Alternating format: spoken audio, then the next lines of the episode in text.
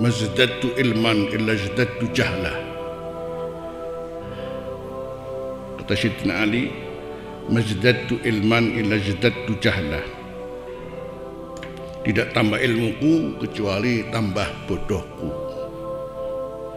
Di sini kita bisa mengerti Syedina Ali adalah orang yang cukup maksimal belajar ilmu apalagi dari sumber aslinya. Itu Rasulullah sallallahu alaihi wasallam.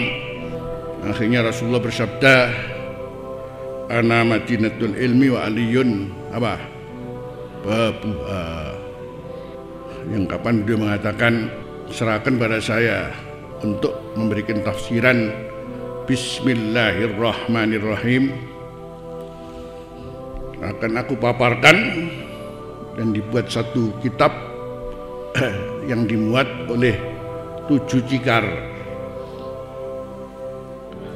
Tujuh muatan unta. Hanya basmalah itu Sayyidina Ali bisa menafsirkan ya, basmalah itu kalau dimuat oleh tujuh muatan unta ya, katakan tujuh cikar itu beliau mampu ya ini satu saya gambarkan dulu ya. Jadi sebegitu orang dengan ilmu.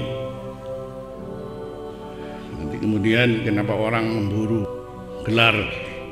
Itu kan dalam uh, rangka untuk uh, ingin mendapatkan strata ilmu. Dari S1, S2, S3 hmm.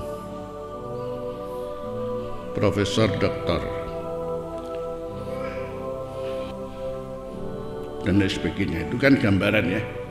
Orang ingin mengejar ilmu menuntut ilmu setinggi langit. Dan begitulah siapa seseorang yang lagi mencari ilmu hendaknya punya semangat sampai kapan saja. Minal mahdi ilal lahdi